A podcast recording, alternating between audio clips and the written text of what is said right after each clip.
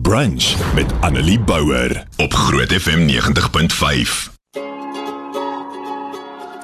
So verlede Woensdag het ons bietjie gepraat oor die tong en ek het te veel gesê dat die Bybel meer as 100 verse het wat ons as Christene waarsku teen die gevaar van die tong. En ons het so bietjie gepraat oor hoe 'n mens moet kyk na hoe jy met ander mense praat, wat jy sê en dat in die moderne wêreld dit deesdae ander dinge insluit as net praat omdat ons goeie so sosiale media het en kommentaare wat gelewer kan word en dat 'n mens altyd alles in liefde liefde moet doen. En ek gaan so 'n bietjie aan op dit, nie op die tong nie, maar ons gaan so 'n bietjie aan oor riglyne vir 'n Christelike lewe. So as 'n mens jou tong in beheer kan hou wat amper onmoontlik is. as mens jou tong in beheer kan hou, as jy die Here vra om jou te help daarmee, is daar 'n paar ander dinge waarop ons ook kan fokus. En dit word so mooi uiteengesit in Romeine 12 en ons gaan so 'n bietjie kyk vanaf vers 9 die opskrif daar sê ook riglyne vir die Christelike lewe. Dit maak dit so maklik sê hierso is vir jou 'n paar riglyne waarna jy kan kyk. Nou in vers 9 sê dit dan die liefde moet opreg wees vir afskie wat sleg is en hou vas aan wat goed is. En dan as jy natuurlik kyk na 1 Korintiërs 13 sê dit ook uh, ons het al daaroor ook gepraat wat liefde werklik is. So hierdie liefde waarvan Romeine praat, kan jy in 1 Korintiërs 13 gaan kyk wat beteken dit. Dan sê vers 10: Betoon hartlike broederliefde teenoor mekaar. Bewys eerbied teenoor mekaar en wees mekaar daarin tot voorbeeld. Weereens 'n manier wat sê nie net met jou tong nie, maar met jou hele lewe en met jou optrede teenoor ander mense, moet jy eerbiedig wees, moet jy nederig wees, moet jy liefde wys en liefde betoon. Jy moenie teenoor ander mense met haat en nait en weerwraak optree nie. Vers 11 sê dan moenie in julle toewyding verslap nie. Bly altyd geesdriftig en dien die Here. En hierdie toewyding gaan oor daai toewyding om 'n Christelike lewe te lei. Daai toewyding om in jou geloof te groei. Want dit is so maklik om in 'n rotine te verval waar jy dink dat jy redelik na alles onder beheer het en dit is wanneer daai klein dingetjies begin insluip wat maak dat ons nie noodwendig lewe soos wat die Here sou wou hê ons moet nie. Vers 12 eh, van Romeine 12 sê verbly julle in die hoop staan vas in verdrukking volhard in gebed. Wat is hoop?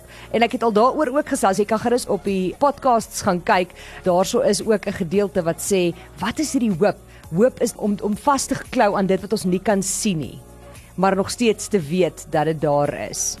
En dan as ons verder gaan, sê dit staan vas in verdrukking volhard in gebed. Help die medegelowiges in hulle nood en lê julle toe op gasvryheid. Vers 14 sê seën julle vervolgers. Ons het hieroor ook al gesels. Ja, sê hy asof hy wil seker maak jy lees reg. Seën hulle, moet hulle nie vervloek nie. Wees bly saam met die wat bly is en treur saam met die wat treur. Wees eensgesind onder mekaar. Moenie hooghartig wees nie, maar skaar julle by die nederiges. Dit klink so maklik en tog is dit van die moeilikste dinge om te doen is om nederig te bly, om nie altyd jou eie opinie, jou eie wil, jou eie ek voorop te wil stel nie, maar om ander mense eerste te stel, om vas te klou aan daai hoop, om altyd liefde te betoon, om altyd jou tong onder beheer te hou. Dit sê ook moenie eie wys wees nie. Moenie kwaad met kwaad vergeld nie. Wees goedgesind teenoor alle mense. Ons het oor daai ook al gesels. Hierdie vat dit alles so mooi saam en dit sê as dit moontlik is, sover dit van julle afhang, leef in vrede met alle mense. En dit sluit aan by laasweek waar ons gesê het, pas op oor daai kommentare wat jy lewer, oor daai kritiek wat jy so vinnig gee, veral as dit nie in liefde gedoen word nie. Daai opinie wat jy so vinnig wil lig. Wees nederig en behou die vrede. Moenie kwaad met kwaad vergeld nie.